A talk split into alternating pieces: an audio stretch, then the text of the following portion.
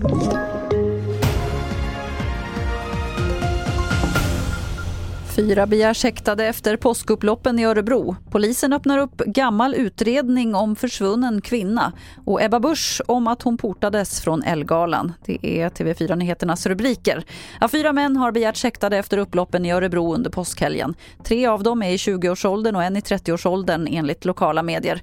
De är de första som begärs häktade för det våldsamma upploppet i Örebro. Alla fyra är misstänkta för grovt blåljussabotage.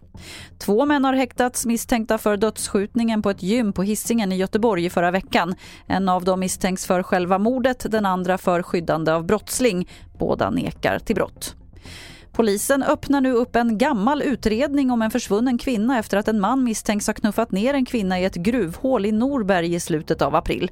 Den skadade kvinnan ska enligt Aftonbladet ha sagt att han dödat sin förra fru. Polisen säger att det gamla fallet som utreds igen handlar om en kvinna som försvann 2020. Nu kommenterar KDs partiledare Ebba Busch att hon blev portad från Elgalan i fredags. Anledningen till att hon blev det ska ha varit ett tidigare uttalande hon gjorde om påskupploppen i Sverige. Så här säger Ebba Busch om att hon blev portad.